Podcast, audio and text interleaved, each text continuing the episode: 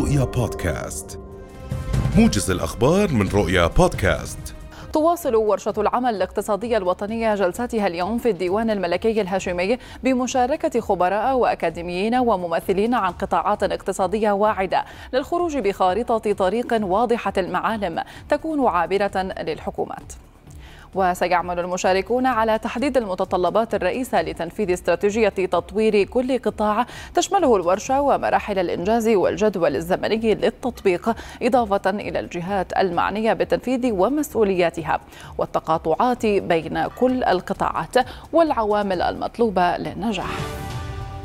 دعا الاختصاصي في علم الفلك والجغرافيا عمر ملكاوي إلى الإبقاء على النظام المتبع في الأردن المتعلق بالتوقيت الصيفي والشتوي وقال ملكاوي لرؤيا أنه في حال تثبيت التوقيت الصيفي سيكون أو ستكون ذروة الآثار السلبية لهذا القرار في شهر كانون الأول وكانون الثاني.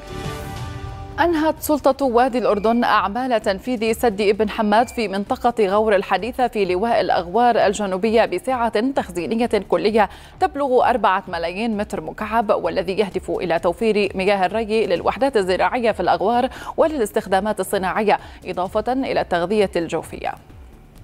وبلغت التكلفة النهائية للمشروع حوالي 53 مليون دينار بتمويل ما قيمته 7.5 مليون دينار من خزينة الدولة وباقي التمويل من شركة البوتاس العربية بحيث تسترد شركة البوتاس ما ساهمت به من خلال تخفيض ثمن المياه الصناعية بموجب اتفاقية للتمويل بين السلطة وشركة البوتاس العربية. ذكرت وسائل إعلام عبرية اليوم أن شابا فلسطينيا أصيب بجراح بعد إطلاق النار عليه بذريعة طعنه مستوطنا في مدينة القدس المحتلة. وذكرت قناة عبرية أن المستوطن أصيب بجراح جراء عملية الطعن. ونقل إلى المستشفى فيما قالت أن الشاب الفلسطيني أصيب بالرصاص ونقل إلى المستشفى بحالة حرجة. وتجري شرطة الاحتلال عمليات تفتيش في مجمع محطة الحافلات للتأكد من عدم وجود فلسطيني آخر مشارك في العملية.